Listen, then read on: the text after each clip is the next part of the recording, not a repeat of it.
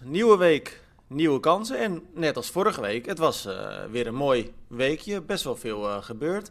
En uh, los daarvan gaan we ons. nou ja, we, we, zetten dit natuurlijk zaterdagochtend online, maar we nemen hem nu vrijdagochtend op.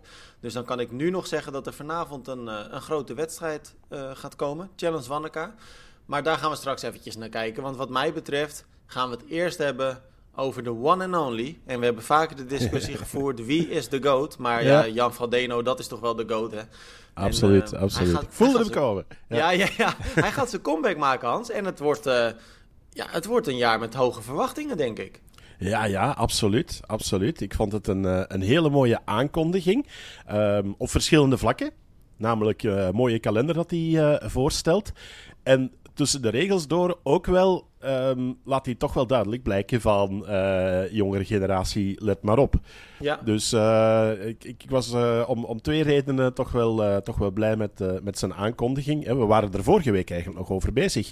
Van, in dat hele veld met toppers voor de Challenge in Rood dat we zeiden van ja, dan ontbreekt eigenlijk nog Jan Frodeno. En toen hadden we het er een beetje over van ja, maar hij gaat hij nog wel echt een sterke comeback maken en dergelijke. Ja.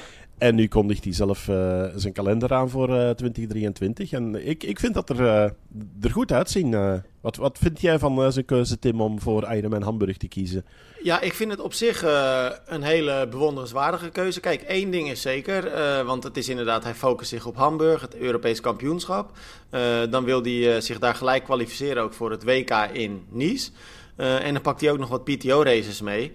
Kijk, het is natuurlijk super mooi om te weten dat Jan Frodeno deze grote races um, weer gaat pakken dit jaar. Mm Eén ding is ook gewoon zeker. Hij gaat zich ook niet verschuilen. Hij gaat niet de concurrentie uit de weg of zo. Hij kiest echt wel de grote wedstrijden.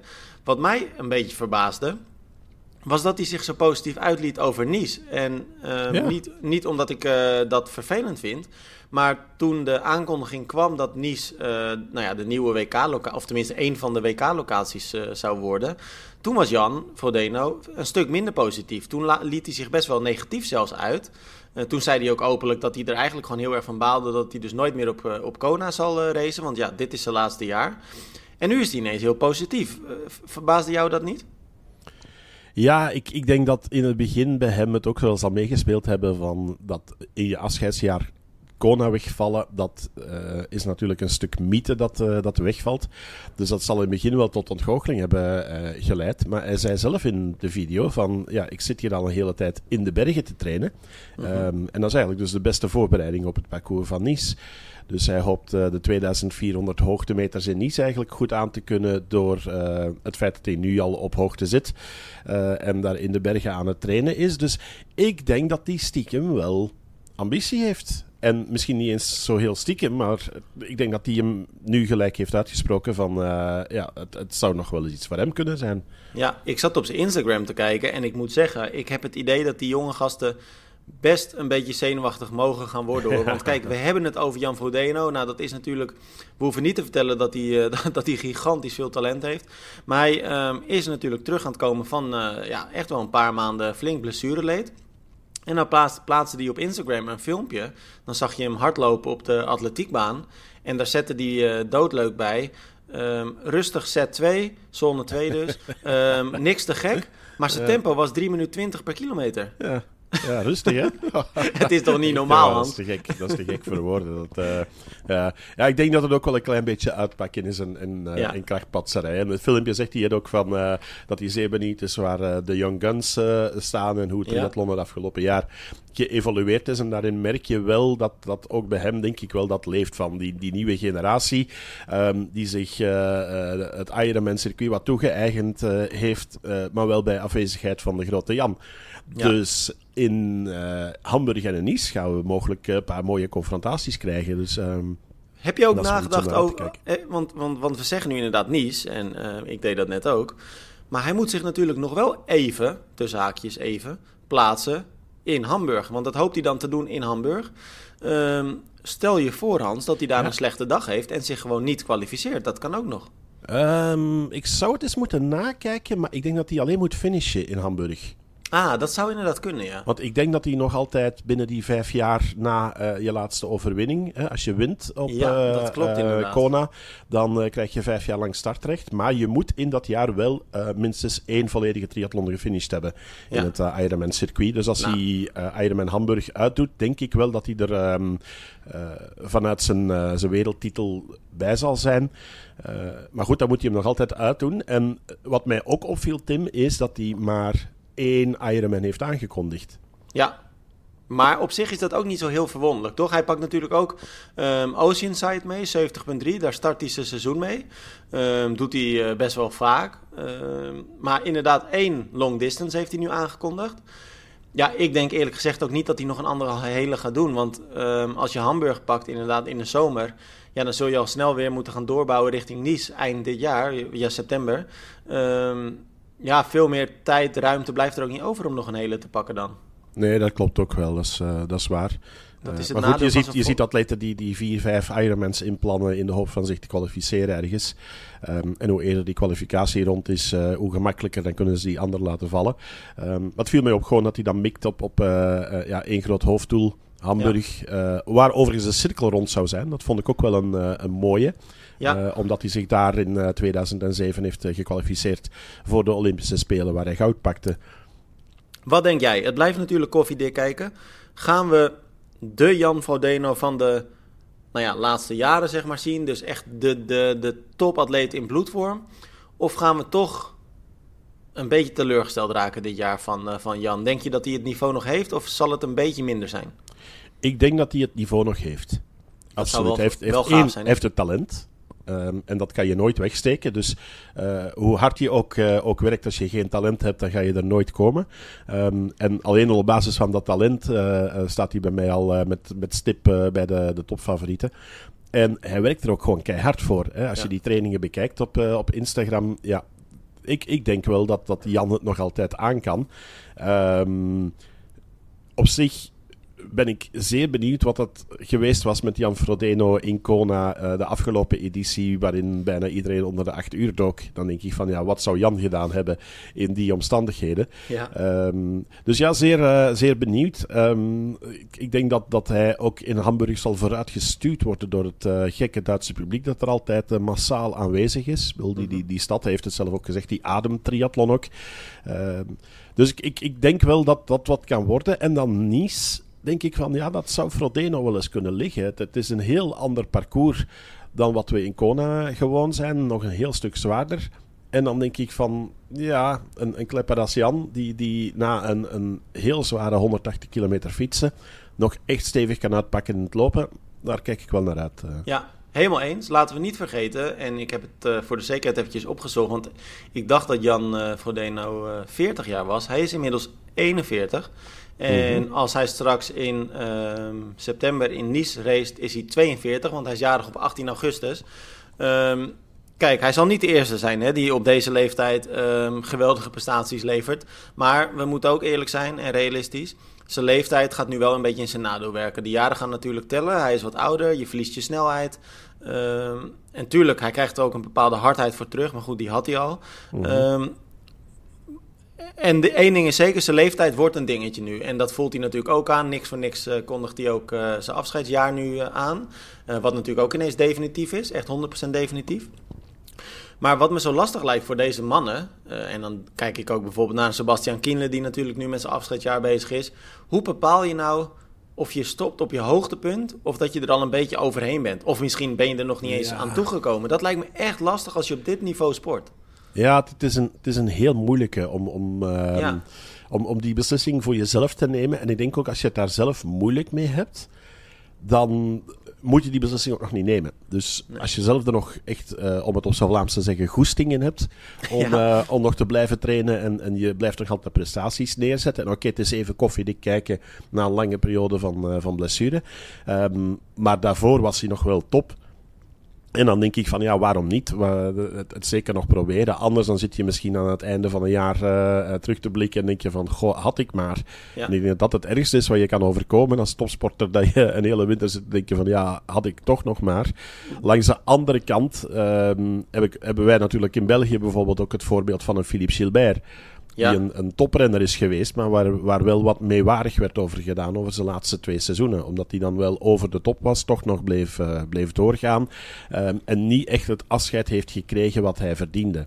En dat vind ik dan ergens wel weer jammer, want het is een absolute wereldtopper geweest. Maar die laatste twee seizoenen ja, werd er zo'n beetje ja, niet echt lacherig gedaan over, eh, over Philippe Gilbert. Maar eh, hij kwam nauwelijks nog voor in, in lijstjes met favorieten en dergelijke. En dan denk ik van ja, dan zijn dat één, twee jaar te veel. ehm, voor hem. Langs de andere kant overigens, dat is een, eh, een mooie segue die we even kunnen, kunnen pakken. Ehm, een zijstapje voor de Nederlanders die het begrip segue vanuit de podcast niet, eh, niet kennen. Ehm, hij heeft in Monaco afgelopen weekend een 10 kilometer gelopen, Philippe Gilbert. Dus ik was me Ah, aan het voorstellen van het zou misschien niet eens een onverdienstelijke duatleet kunnen, eh, kunnen Want, worden. want ging dat hard? Eh, 41 minuten deed hij. Nou, Wat op is- zich eh, in, ja. in Monaco op een, een, denk ik, niet helemaal vlak parcours niet eens zo'n slechte tijd is. Zeker voor Wat- een, eh, een, een eh, oud renner ondertussen als Want eh, hoe oud als is hij inmiddels? Eh, goeie Weet vraag. Goeie Ik ga, vraag. het even, ik ga het gelijk even googlen. Want ik Ja, denk, voilà, ja, hij, zat, dat- hij zat toch wel ver... eh, Ik denk dat hij wel richting de 40... Ja, over Ja. de 40 zal zijn, toch? Nou, over nog niet, dacht ik. Maar ik denk ergens zo 38. Maar... Even kijken, hij komt uit 5 juli 1982. Hij is 40 jaar. Ja. Ja, dus net de 40 eh, inderdaad voorbij. Eh, nou ja, ja, 41 minuten. Ja. Dat, ik had eigenlijk dan verwacht dat hij misschien nog harder zou kunnen lopen. ja. Precies ik weet wat ook jij niet of zegt, dat hij zich zo- erop toelegt of zo. En, en hij Nee. is natuurlijk topsporter af. Dus ehm, ja, benieuwd. Eh, Ja. Als hij dit meer zou doen, ik, ik, ik zou hem wel eens in een duathlon willen zien. Het is altijd wel leuk. dat- worden, eh, het is altijd sowieso wel leuk dat je dan ineens dit soort namen voorbij ziet komen in, nou ja, in dit geval hardloopwedstrijden dan, maar soms ook triathlons. Ehm, ik vind het dat wel leuk. Ja, dat maakt het ook wel tof. En, en eh, goed ook om te zien dat, dat eh, er toch wel veel gebruik wordt gemaakt in verschillende sporten van wat we dan noemen crosstraining. Dus dat je niet alleen op de fiets gaat trainen. Hè, Wout van Aert bijvoorbeeld, die, die loopt ook zeer sterk. Ehm, en die doet vrij veel looptrainingen. Ehm, daar wordt eh, af en toe soms wel wat te weinig bij stilgestaan. Dat, dat veel wielrenners ook best goede lopers zijn. Kijk naar een Pitcock is daar natuurlijk ook een goed voorbeeld Ja, van. Hè? ja. Al heeft hij soms wel heel eh, snelle tijden. Ja, dat klopt niet altijd helemaal, lijkt het wel. Maar hij zal ongetwijfeld in ieder geval hard eh, kunnen lopen. Nou, we het toch over lopen hebben, Hans. eh, want jij en over snelle Monaco. tijden. Hè? En over snelle tijden, inderdaad. Monaco werd natuurlijk het Europees record gebroken op de 5 kilometer. Nou, dat was ook weer een krankzinnig tempo. Uit mijn hoofd 13 minuten 21, geloof ik. Ehm, maar als we dichter bij huis zoeken, in ieder geval voor ons, voor jullie zal het misschien niet zo heel veel schelen, afhankelijk van waar je in België zit. Ja. Eh, maar als we dan naar het, eh, de Groet uit Schorrolrun eh gaan, die was afgelopen weekend. Ehm, nou ja, de hoofdafstand is daar natuurlijk de 30 kilometer. Voor Nederland zullen dat weten, misschien Belgen iets minder. Maar dat is echt, echt een hele grote run hier in Nederland. Ehm, maar er vindt ook altijd het NK 10 kilometer plaats. Dus eh 10.000 meter op de weg. Ehm, nou, dat, dat trekt natuurlijk zoals altijd gigantisch veel ehm, sterke winnaars. Of eh, sterke lopers moet ik zeggen. En waar we vorige week eh, een Nederlands feestje hadden. eh, toen wij, nou ja, jij noemde hem net al, Wout van Aert versloegen. Mathieu van der Poel.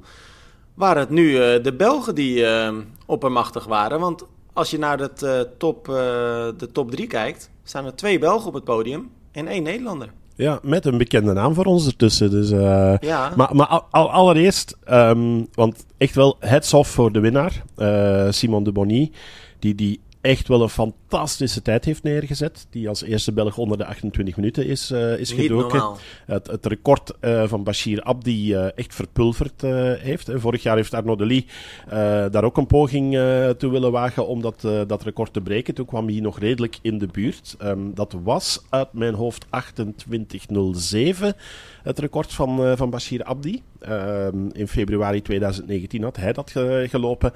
Ehm, en Simon Domoni heeft dat nu gewoon op 27.48 gezet. Het is onvoorstelbaar hard. Ja, gewoon echt onder de 28 op, op 10 kilometer. Het is, het is eh, ja, nauwelijks te geloven. Ehm, maar het zou wel kloppen, want er kwamen bij ons ook wat reacties eh, van mensen die zeiden van... eh, ja, maar zo'n stratenloop is dat wel allemaal correct uitgemeten. Maar blijkbaar is Schorrel wel een... ehm, officiële World Athletics uh, wedstrijd die, die uh, gecertificeerd is en waar dus parcours volledig uitgemeten is. Dus Schorrel is inderdaad, een, is, wat ik net zei, is een enorme grote bekende loop waar het inderdaad allemaal echt volgens de regels gaat. Dus dat parcours klopt zeker. En Schorrel is dan, uh, kijk, ze hadden het geluk, dat moet ik erbij zeggen, afgelopen weekend in Nederland. De omstandigheden waren echt perfect. Het was redelijk koud, het was windstil. Uh, het parcours in Schorrel is, uh, is snel, in ieder geval voor de 10 kilometer. De 30 kilometer heeft net even wat meer klimmetjes. Um, maar alles klopte eigenlijk om op die dag een snelle tijd te zetten. En ja, je ziet het, die winnende tijd 27-48. Maar ook als je dat podium bekijkt, uh, Galit Choukout, de nummer 2 Nederlander, uh, natuurlijk een, eh, een, zeer begenadigd marathonloper, Nederlands kampioen ook nog steeds op de marathon geloof ik. Die wordt dan tweede, 28-34. Nou, die zit dan inderdaad, nou, die heeft dezelfde tijd als Arnoud de Lee en die komt dus ook op in 28-34 binnen. Ja. Dat zal dus een, een sprintje ja, geweest zijn. Tussen, ja, waarschijnlijk. die twee, dus daar ga ik Arno nog wel eens op aanspreken. ja, maar dat, hij, dat hij niet zoals zijn naamgenoot uh, beter kan, uh, kan, kan spurten. Hij wordt wel eens verward overigens hè, met uh, Arno de Lee, de, de wielrenner van Destiny Lotto. Okay. Die het op dit moment ook zeer goed doet. Die heeft al, al drie overwinningen beet um, in, in dit voorjaar op de fiets. Um, alleen bij, bij de duatleet Arno de Lee is het D-E-L-Y. En bij Arno de Lee is het D-E-L-I-E. -E. En wat ook niet geholpen heeft, is dat um, in, ik denk 2021, Arno de Lee, de wielrenner, ook een duathlon heeft gewonnen in uh, Wallonië. Ah, kijk, dus jij, het, uh... jij dreunt gewoon alle feitjes even op. maar Hans, als ik dan zo door die, die uitslagenlijsten heen zit te scrollen. Het is wel indrukwekkend hoe hard het tegenwoordig gaat. Hè? Het lijkt ook wel elke keer weer harder te gaan. Ja, ik, ik, ik blijf dat echt indrukwekkend vinden. En veel mensen zeggen van dat zit in uh, de nieuwe generatie schoenen. En die, die 2, 3, 4 procent die je daarmee kan winnen. Maar dat is niet de schoenen alleen volgens mij. Dit is echt een, een uh, uh, jonge generatie sterke lopers. Ik bedoel, Simon de Monier is al een, een hele tijd sterk aan het, aan het lopen. Is absoluut topper op, op de 10 kilometer. Um, Arno de Lidi, die ook in Valencia onder de 29 minuten duikte een paar weken geleden. Ondanks die chaotische start.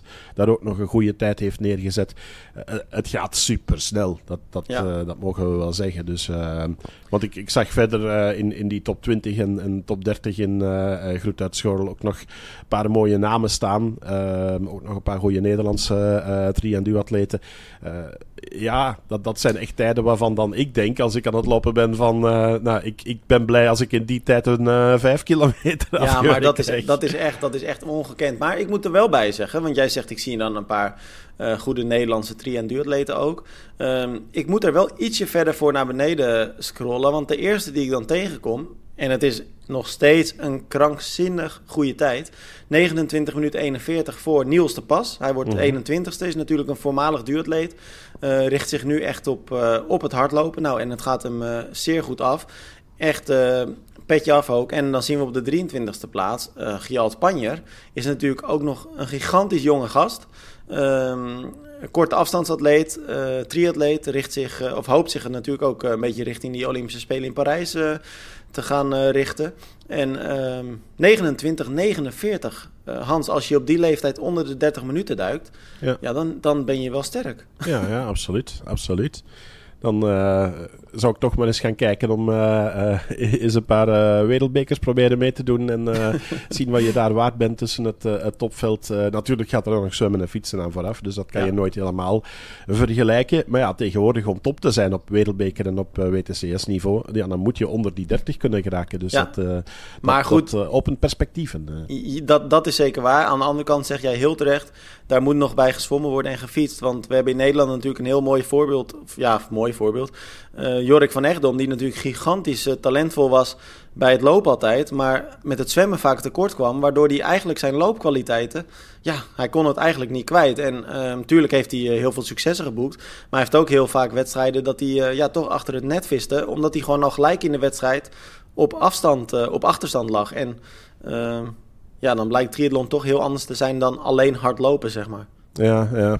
Ja, het, doet nog altijd pijn hoor. Elke keer als ik de naam Jorik van Echtdom uh, hoor, dan denk ik terug aan uh, de spurt in de Mixed Team Relay. Waar ja. Nederland de chocolademedaille van ons afgepikt heeft in die laatste meters, omdat Jorik nog voorbij ging aan Jelle Geens. ja, dat, is een pijnlijke, dat is een pijnlijke herinnering. Ja, nou ja, goed, het was toch uiteindelijk... het, was, het, had, het, had, Het was hem gegund, het was Nederland gegund hoor. Eh, Ja, en het had nog vervelender geweest voor jullie althans als het om het brons ging, toch? Ja, ja, ja, absoluut. Dat was het echt. eh, eh, maar goed, dat had ik op voorhand ook wel voorspeld. Ik bedoel, die, die drie medailles, dat stond eigenlijk al voor de start vast welke landen daarvoor zouden, zouden meespelen. Dus ik, ik vond sowieso top 5 al een hele mooie prestatie. En dat en Nederland en België in die top 5 zaten, dat was best wel, wel Ja. mooi voor, voor twee landen die niet over de grootste pool beschikken aan, aan topatleten. Dus eh, ik heb overigens eh, gemerkt, het staat online op eh triathlon.vlaanderen, de officiële website van de Vlaamse Triathlon Federatie. Ehm, want Tim Moriot, jouw bijna naamgenoot, eh, onze technische directeur Topsport, die heeft het nieuwe beleidsplan voor eh 2023 en de komende jaren, zeker richting Parijs, uitgeschreven. Bij ons precies hetzelfde. Ja. En die heeft daar ook een opmerking bij gemaakt over de Mixed Team Relay. Ehm, en dat eh, in Parijs en zeker in Los Angeles er keuzes zullen moeten eh, gemaakt worden. Omdat hij zei, in de triathlonsport is het niet meer van deze tijd dat atleten mikken op en de individuele medaille en de teammedaille. En dat vond ik wel een opvallende, want we hebben natuurlijk niet de grootste selectie. Maar als dan de topsportdirecteur gaat zeggen van ja, als we echt medailles willen pakken, dan gaat het ofwel het een ofwel het ander eh, moeten zijn. Wat niet uitstaat dat je in de twee medaille kan pakken. Maar je ziet het bij een aantal andere landen, die sparen mensen voor de mixed team relay, omdat ze natuurlijk meer eh, geselecteerde atleten eh, aan de start brengen. Bij ons waren dat er vier, bij Nederland ook, waarbij Ja. dan de mannen niet individueel geraced hebben. En dan krijg je natuurlijk wel een voordeel dat je frisser aan de start komt van de mixed team relay.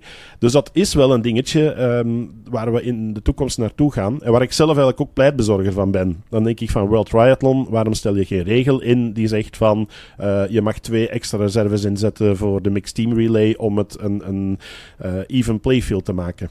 Ja, nou ja, dat mag natuurlijk wel. Alleen je moet dan eh, meer gekwalificeerde atleten hebben. En Ja. eh, die luxe hebben Nederland en België helaas niet. Althans, niet eh, in Tokio. Wellicht dat het in Parijs anders gaat zijn.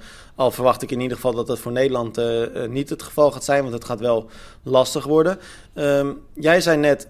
het nieuwe beleidsplan is dus bekendgemaakt. Dat geldt ook voor Nederland. Wat mij opviel in Nederland, en ik weet niet hoe dat in België is, is dat ehm, een individuele atleet zich nu kwalificeert met een top 8 klassering bij een WTCS-race. Bij ons was dat voorheen top 6, dus dat is ietsje makkelijker gemaakt. ja, en terecht vind ik, want Ja, zeker. Ja, top 6 is echt wel al, ja, dat, dat, dat is wereldtop. Dat, eh, Ja. Ik vind top 8 zelfs al, al een, een lastige, als je ziet hoe hoog het niveau daar is. ja. Ehm, hoe mondiaal ook die, eh, die sport is. Ik bedoel, alle landen zijn er zowat eh vertegenwoordigd. Ehm, dus ja, dit, dit, het is geen gemakkelijke om in die top 8 te geraken. eh. Nee, nee, dat is zeker waar. Iets wat ook niet makkelijk is, Hans. En dan hoop ik dat jij, eh, nou ja, wiskunde hebt gestu- gestudeerd of zo. Want dan eh, zou jij me misschien de nieuwe PTO eh, World Ranking kunnen uitleggen. nou, hij is wel duidelijker. Hij is wel duidelijker, dat is ik vind, zeker waar. een, een stevige stap in, in de goede richting. Eh, ik heb nog wel mijn vragen. Misschien moeten we eerst even uitleggen van eh, wat, wat de grote veranderingen zijn voor de Ja. mensen die het artikel nog niet gelezen hadden of nog niet helemaal mee waren. Die hebben ons misschien ook al in het verleden bezig gehoord over de world ranking van de PTO en dat die onvoldoende transparant was, de manier waarop dat die samengesteld is. Ik heb daar een keer het voorbeeld gegeven van eh, Ashley Gentle die dan in de, de PTO US Open en Canadian Open wint. Ehm, en waardoor zij in één keer daar ja, helemaal bovenaan mee in de top 5, top 6 meedraait eh, tussen de, de absolute Ironman-toppers. Ehm, terwijl ze zich daar nog niet helemaal bewezen heeft. Dus dat, dat was zo nog niet helemaal echt eh, representatief voor, voor eh, hoe de top van zeker de vrouwen, maar ook eigenlijk bij de mannen hetzelfde verhaal eruit zag. En nu wordt de World Ranking met input van een aantal eh, atleten eh, op een zeer transparante manier opgebouwd. eh, met wedstrijden die labels krijgen van diamant tot en met brons. Dus diamond, platinum, gold, silver en bronze. Eh, op basis van de sterkte van die, eh, die wedstrijd, de uitstraling, media coverage en dergelijke grootte van de prijzenpot. Dat vind ik een zeer goeie. eh, want daardoor kan je echt op voorhand gaan bepalen, dit worden de topwedstrijden. En als je dus meer punten wil halen, moet je daar aan de start staan. Ehm, en dan eh, gaat het ook over de sterkte van het startveld wat wordt meegenomen. Dat zou er ook moeten toe leiden dat eh, atleten meer en meer de confrontaties met de toppers gaan, eh, gaan opzoeken. En dan is er toch nog altijd een aspect waar ik het lastiger mee heb. En dat is de onderlinge tijdsverschillen. Mhm. En waar ze nu dus blijkbaar, Tim, een, ehm, hogere punten willen gaan toekennen voor en een, een groot gat tussen de eerste en de tweede. Maar waarin ze blijkbaar ook rekening willen gaan houden van als het een close finish is tussen twee sterke atleten die ervoor sprinten. En dan denk ik van ja, dat vind ik nog altijd een moeilijke om, om dat uh, uh, even in een objectieve meting terug te zien. En dat speelt dan nog mee voor, wat was het? Ik denk 30 procent. 30 procent, ja. ja. Maar wat ik, want dat vind ik ook. Aan de andere kant vind ik het wel een hele goede ontwikkeling dat uh, die tijden, die werden voorheen, dus eigenlijk tot nu, altijd berekend aan de hand, of, of op basis van moet ik zeggen, een theoretische uh, ideaaltijd eigenlijk. Dus er werd op voorhand bij een wedstrijd gezegd: oké, dit is het parcours. Uh, dit zijn uh, de gemiddelde tijden van de afgelopen uh, zoveel jaar. Dan zou je bij wijze van spreken in een ideale omstandigheid hier, nou ja, laten we zeggen 7, 7 uur 40 neer moeten zetten. Of 7 uur 35 of, of 8, minu 8 uur 10 als het een heel zwaar parcours is. Ik zeg maar wat. Um, en als je dan vervolgens uh, op de wedstrijddag de tijden bekeek, konden ze aan de hand van die tijden, door die tijden dan te vergelijken met die ideaaltijd, kregen atleten ook een bepaald percentage van die punten. Um, maar dat bleek eigenlijk in de afgelopen jaren um, eigenlijk ondoenlijk. Simpelweg omdat triathlons nooit met elkaar te vergelijken zijn. De weersomstandigheden zijn totaal verschillend. Almere is daar bijvoorbeeld een geweldig voorbeeld van. Um, twee jaar terug, toen waren de omstandigheden ineens perfect. Er werden, ik geloof, iets van 30 records gebroken. Een 20 jaar oude Nederlandse record werd bijvoorbeeld uit de boeken gelopen door Evert Scheltinga, die 7 uur 49 klokte. Um, toen kreeg je op een gegeven moment de discussie van uh, Torsten Radde, die onder andere zei: ja. ja. dit is eigenlijk gewoon onmogelijk. Misschien was het parcours wel te kort. Maar dat was helemaal niet het geval. Alleen, het ging er blijkbaar niet helemaal in dat die omstandigheden van dienaard waren, dat er gewoon gigantisch snel gereest werd. Um, nou, lang verhaal kort, dan denk ik dat het inderdaad een hele goede ontwikkeling is dat er niet meer naar een ideaaltijd gekeken wordt, maar dat je nu de tijden van de atleten onderling binnen die race gaat vergelijken. Dat maakt het wel een stuk eerlijker dan. Ja, dat klopt. Dat klopt. Ik, ik uh, heb, heb altijd een beetje gevonden. Ik bedoel, ik, net zoals vele anderen, en zeker binnen de media, um, de, de, de hele try-rating van Torsten, die, daar maken wij ook gretig gebruik van. Uh, alleen die vergelijkingen in tijden en, en uh, af en toe ook de vooropgestelde tijden en zo. Ja, weet je, op, op wedstrijddag kan het er heel anders uitzien. En dat hebben we al een paar keer gezien. Dus dat model, het, het was een goede basis, denk ik, om, om mee te beginnen. Maar het gaf niet altijd evenveel duidelijkheid. Dus ik denk dat dit, het nieuwe model, het nieuwe rekenmodel, een stuk duidelijker is. En ja, ik, geef ze wel het voordeel van, uh, van de twijfel. En ik ben er ook van overtuigd dat ze met dit nieuwe systeem aan de slag kunnen gaan om te kijken van hoe kunnen we het nog verder gaan verbeteren. En ja. dat vind ik overigens, Tim, een van de sterke punten, ik heb het ook bij ons geschreven, van de PTO is dat zij feedback ter harte nemen. Van atleten, van de media, van supporters. En dan vervolgens ook gaan kijken van hoe kunnen we dat oplossen. Um, in tegenstelling tot de mogelijke wel, andere organisaties die we misschien even niet bij naam moeten noemen. Nee, we willen niet in de ban geslagen worden. ik, ik, ik dacht van misschien moeten we een rubriek gaan maken wekelijks van hoe zou het nog zijn met Jack Kelly, weet je? Help Jack Kelly de winter. Uh, nee, maar ik, ik vind het wel knap van de PTO dat zij oor hebben naar opmerkingen en ja. denken van oké, okay, wat kunnen we ermee? En, en als ze er niks mee kunnen, dan denk ik ook wel dat ze daar wel over zouden communiceren ook. Uh, maar toch al een aantal keer gezien van dat ze met verbeteringen komen. En dan denk ik van ja, dat is een goeie. Dat, uh... En wat vind, want dat, wat, dat, vind ik ook. Wat vind jij er dan van? Uh, want ik heb daar ook wel een beetje een, een gemengd gevoel bij. Dat de ranking eigenlijk nu met terugwerkende kracht is aangepast. Want we hebben nu ineens een hele nieuwe tussenstand. Hè? We hebben nu bij de vrouwen bijvoorbeeld Ashley Gentle uh, op de eerste plaats. Maar we hebben ook een, bijvoorbeeld een Anne Hoog die echt een paar plaatsen ineens zakt. Um, dat geeft me dan wel weer een gek gevoel of zo. Want dat betekent eigenlijk dat we de afgelopen jaren maar iets hebben gedaan of zo. Ja, maar een van de grote wijzigingen nu ook is dat, dat het een, een rolling uh, rangschikking wordt. Dus ja. die de laatste 52 weken meeneemt. Zoals eigenlijk in het tennis, geloof ik, ook het, uh, het geval is. Dus het is niet meer zozeer de jaarranking. En dat geeft natuurlijk nu een, een, een vertekend beeld. En dat ga je doorheen het jaar nog wel hebben. Op basis van, denk ik, ook prestaties van mensen die een jaar geleden wel top waren en nu het minder ja. goed doen, of vice versa. Uh, ga je meer verschuivingen zien. En op zich ben ik daar ook wel voorstander van. Dan, uh, uh, krijg, je, krijg je iets meer dynamiek in, in zo'n ranking. Uh, want anders dan, dan staat Anne Haug gewoon het hele jaar lang aan kop. Dat, uh... Ja, dat is waar. Jij noemde net voor de grap eventjes een, de ban. En noemde, doelde je natuurlijk op Ironman die Jack Kelly geband heeft. Ehm, we hebben de afgelopen twee keer ook gehad over die PTO die niet helemaal blij was met onze aankondiging van Marrakesh. Um, denk je nou dat ze Jan Frodeno ook gaan bannen of niet? Want, Jan Frodeno die, die roept ook van alles. Die heeft ineens de, de datum van de European Tour uh, naar buiten gebracht. Ja. Mag eigenlijk ook nog niet, denk ik. Nee, nee, dat was denk ik nog niet, uh, nog niet de bedoeling. Dus ik, ik vond dat wel een grappig. Ik, ik zag het voorbij komen en ik, oh, oh, hebben wij iets gemist? Ja. um, en het was dan nog eens op woensdag. En dat is zo de laatste weken typisch de dag waarop ja. de PTO met uh, aankondigingen komt. Dus het, ik kan me voorstellen dat er iemand bij de PTO op het bureau uh, Instagram opende en zich even verslikte in zijn koffie. En dacht, oké, zullen wij die aankondiging dan volgende week maar doen misschien. dus ja, ja. Nee, we hebben nou, het er van de week nog over gehad. Het is inderdaad een, een, een, opvallende.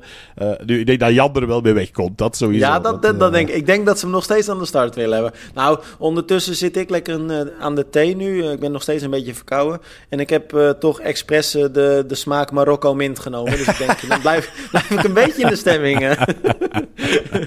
Oké, Hans. Uh, vanavond, want zoals ik in het begin van deze podcast al zei, van deze aflevering al zei, vrijdagochtend is het nu, dus we wachten nu nog op Challenge Wanneka. Als deze online staat, weten we wie hem gewonnen heeft. Ja. Ehm, want vanavond is het dus zover, vanavond Nederlandse tijd, Challenge Wanneka.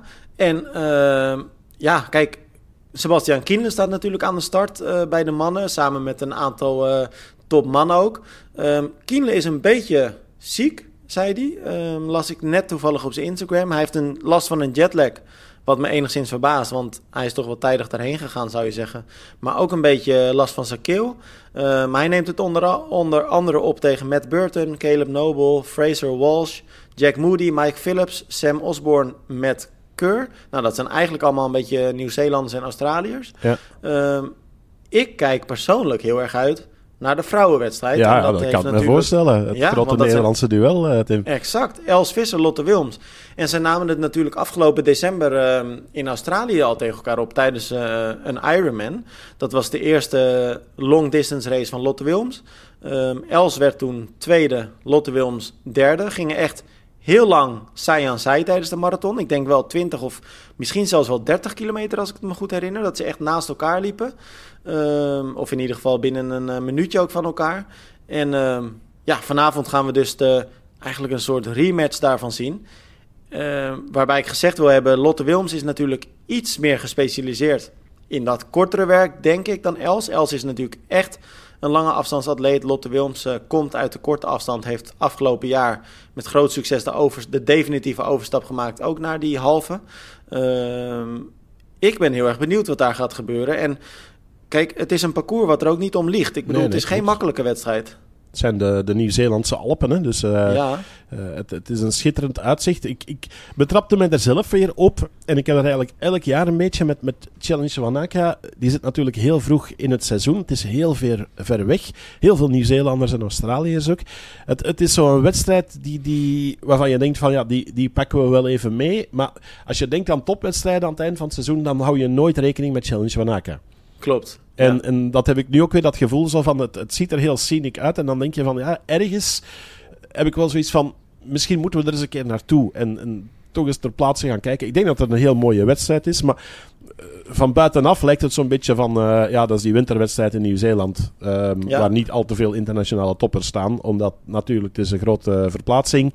Uh, maar je hebt daar wel de absolute top van Nieuw-Zeeland en Australië aan, aan de start. Dus um, het, is wel een, een goede wedstrijd, maar alleen het, het, uh, het, het, verdient eigenlijk nog net iets meer aandacht. Ja, nee, helemaal eens. En dat is natuurlijk ook wat, wat Sebastian Kienle zei. Hè? Want uh, we noemden het net ook al eventjes uh, bezig met zijn afscheidsjaar. Ehm, eerder hebben we ook al tegen elkaar, of met elkaar besproken dat hij ehm, liet weten dit jaar echt zijn bucketlist races te willen afvinken. en hij zei heel terecht, Challenge Wanneka is zo'n wedstrijd die al jarenlang op mijn lijstje staat van wedstrijden die ik gewoon een keer gedaan wil hebben. Alleen, het past eigenlijk niet zo goed in je voorbereiding. Want als jij in voorbereiding bent op het Europese seizoen, wat natuurlijk een beetje vanaf eind maart, um, mid april vol van start gaat.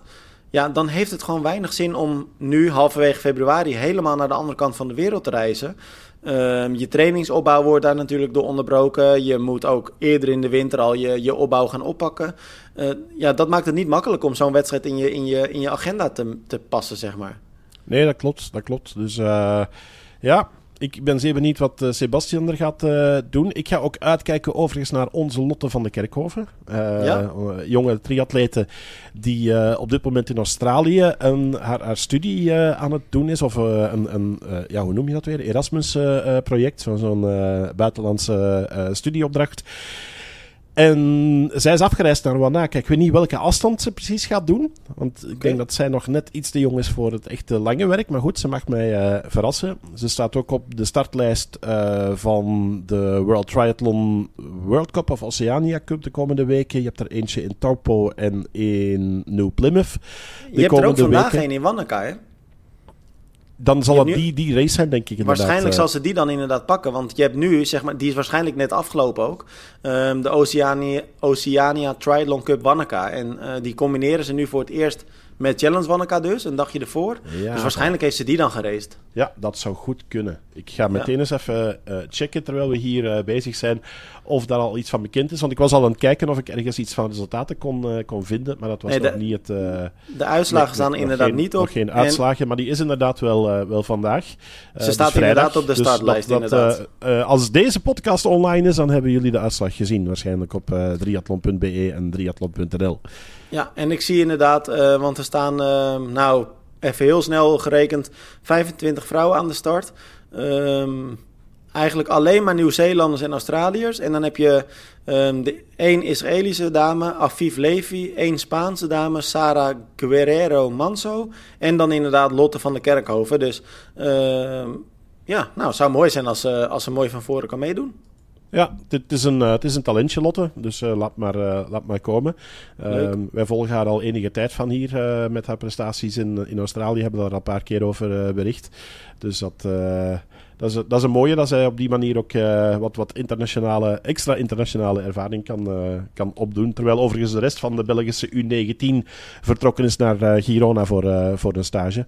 Um, dus ook goed om te zien dat de, de krokusvakantie, zoals dat bij ons wordt genoemd, of ook wel het in, in platter Vlaams carnavalsverlof ja, ja, ja, aangewend wordt voor de jeugd om die op niveau te krijgen. Overigens over de korte afstand gesproken. Um, opvallend nieuwsje van de afgelopen week was het gavende gezicht van, van Jelle Geens. Ik weet nou. niet of je bij ons die foto hebt gezien, Tim, van zijn voorwiel.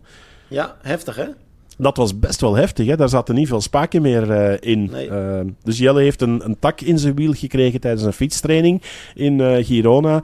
En is over kop gegaan, over zijn handlebars gegaan. En dan op zijn schouder hard neergekomen op zijn hoofd. Um, foto ook duidelijk te zien van de schaafwonden op zijn aangezicht. En de schade op zijn helm. hij ja. zegt ook van ja, ik denk dat mijn Ecoy-helm mijn leven gered heeft. Um, ik heb hem gesproken ook. En, en hij zei ja, ik denk dat ik echt wel geluk gehad heb. Dus hij was ook wel blij van dat hij niet meer aan de hand had dan dit. Uh, heeft wat pijn gehad aan de schouder. Uh, hij zei: Ik heb een paar dagen training gemist. Maar op zich is de pijn nu ondertussen over. En kan ik weer gewoon gelukkig doortrainen. Uh, en ligt hij nog volledig op schema voor de eerste WTCS triathlon in Abu Dhabi. Dus vanuit hier heel veel beterschap gewenst aan, aan Jelle. Ja. En uitkijken over drie weken. dan staat hij aan de start in, in Abu Dhabi.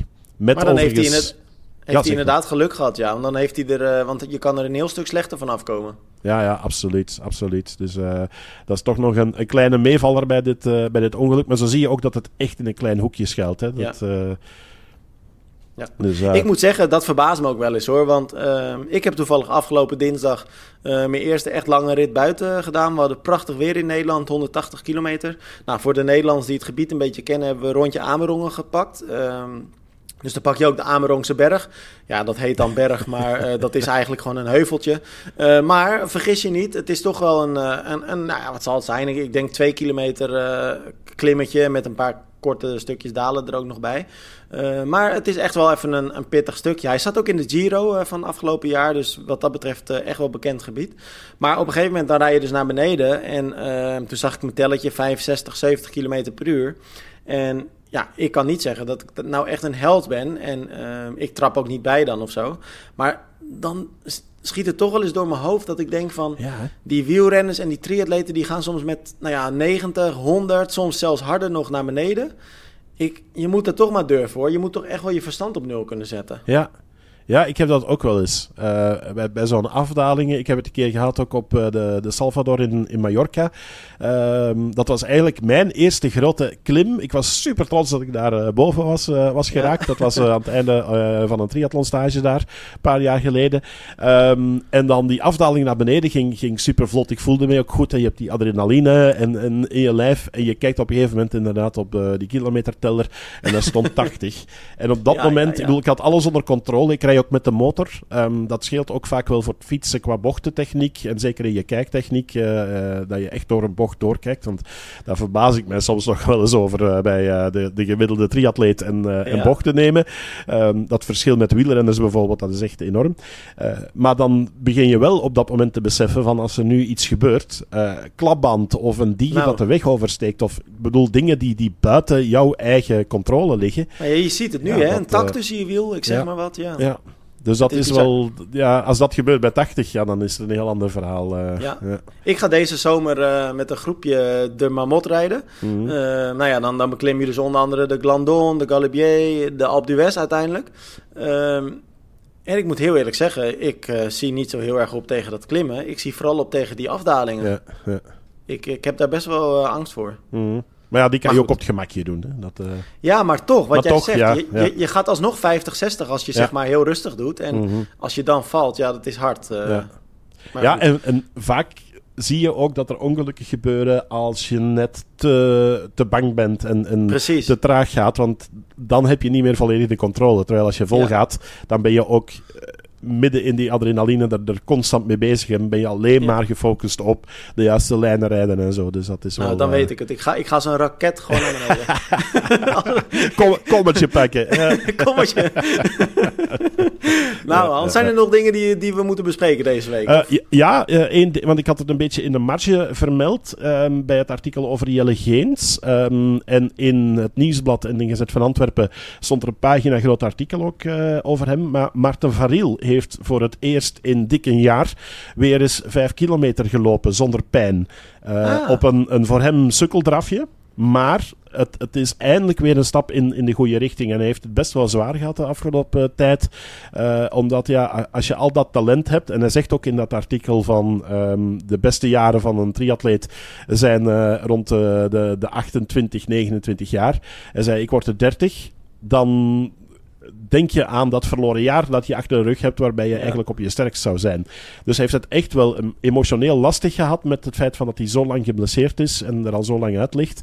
Um, en hij moet natuurlijk nu ook nog vol aan de bak om zich te gaan kwalificeren voor, um, voor Parijs. En op ja. zich maakt hij zich daar niet zoveel zorgen om. Hij zei, ja, ik, ik kan mij wel hoog genoeg rangschikken om, om dat te halen. Hij zei, dan ga ik in Parijs uh, alles of niks. Oké. Okay. Hoeveelste werd hij, in Tokio? Hij is een keer zesde geweest, hij is een keer vierde geweest. Hij zei, nu ga ik gewoon vol voor een medaille. En dan wordt het ofwel veertigste ofwel medaille, uh, maar niet iets daartussen. Dus, uh, ja, ja. En hoeveelste werd hij in Tokio? Weet je dat? Uh, vierde. Ja, precies. Oké, okay, vierde. Ja. Dus ja, dat is natuurlijk... Ja. Was hij daar dan tevreden mee of was dat Nee, nee, nee. nee. Hij, hij, was zwaar ontgoocheld uh, dat het ja. een uh, chocolademedaille was. Ja. Terwijl wij allemaal zoiets hadden van... Het was een topprestatie, het was ook een, een, een topwedstrijd. Uh, maar ook hoe dat die wedstrijd verlopen is, ja, dan, dan ook daar weer, dan ik, dat, daar zat meer in, inderdaad. En als je met dat gevoel natuurlijk terugkeert van de Olympische Spelen, dan snap ik ook die, uh, die ontgoocheling uh, bij hem. Dus, uh, maar typeert ook Marten. Dat is echt de topsporter die niet vrede gaat nemen met de vierde plaats op de, de Olympische Spelen. Hij zei ook van zo'n Olympisch diploma hè, in de eerste acht finishen. Eh, dat ja. zegt me niks meer. Ik wil gewoon die medaille. En, en daar heeft ja. hij wel gelijk in. Dus, uh... Nou ja, wat jij zegt, dat is natuurlijk echt de topsportmentaliteit. Uh, wie, werd toen, wie werd toen derde? Want je had natuurlijk Christian Bloemenveld en Alex G die 1 en 2 werden. Wie werd derde? Een halve Belg. Hayden Wild. Hayden Wild, ja, ja, ja, precies. ja. Ja, nou ja, dan zijn het ook niet de minste drie die hij voor zich had. Hè? Nee, nee, nee, voilà. Dus uh, op dat vlak, uh, wil, terecht ook een heel sterke top, uh, top 3. Ehm, maar goed, zoals de wedstrijd uitwerkte, had normaal gezien Alexie nooit meer vooraan mogen komen. Maar, maar goed. Nee, ehm, nee. En dan was er ook nog bij ons het verhaal van Jelle Geens, hè, die door die COVID-besmetting niet kon, eh, kon meedoen. Ja, Die Ja. in dit scenario in die top 3 had gezeten. Dat, dat Ja. twijfelt niemand aan. Dus eh, dat dat een heel spannende strijd ook geworden. Daar had misschien zelfs een eh, Olympische titel in gezeten. Eh daar mogen we eigenlijk niet te veel meer zeggen. Want ik denk dat dat nog elke keer als Jelle dat hoort pijn doet. Ja. Ehm, dus laten we gewoon volop mikken op, eh, op Parijs voor die gasten. En dat het daar allemaal mee zit. En eh, dat dat een, een mooie race wordt, eh, wordt voor hun. Dus, Er, is één ding, zeg maar, mooi aan al dat COVID-gedoe wat we achter de rug hebben. En dat is dat we gewoon volgende, volgend jaar alweer de Olympische Spelen hebben. Dat is echt lekker snel. ja, ja, klopt. Klopt. Dat is waar. Dat, maar dat, maakt ook wel dat, dat het, het ook inderdaad heel kort lijkt tussen die twee eh, Olympiades. En, en dat je nu weer inderdaad heel vol aan de bak moet. Want volgend jaar is het weer zover. Dus ja, dat, eh, en, en, en de kwalificatieperiode loopt eh, wat dat betreft ook nog maar eh 15 maanden. Want in ieder geval in Nederland, en ik denk dat dat in België dan wel hetzelfde zal zijn, mogen atleten zich kwalificeren tot 27 mei 2024. Dus ja, dat is niet zo heel lang eigenlijk. Nee, klopt. klopt. Dus eh, op, op zich, ja, we zijn er bijna eh, Ja. in, in mei. Dus eh, het, is al, het is al februari. Dus ja, het is nog een jaar en, en zeg maar drie maand. En Ja. in die periode moet je je zien te kwalificeren. En moet je hopen dat er je niks overkomt. Dus dat wordt toch wel best weer een, een spannende periode. Overigens, wat ook een opvallende is, want wij zitten in België bijvoorbeeld met eh, onze nationale kampioene Jolien Vermeilen. Die afgelopen jaren ook internationaal een serieuze stap vooruit heeft eh, gezet. Die, die tweede werd op een eh, wereldbeker. En die dit jaar een beetje aan de voeten komt kietelen van, van Claire Michel.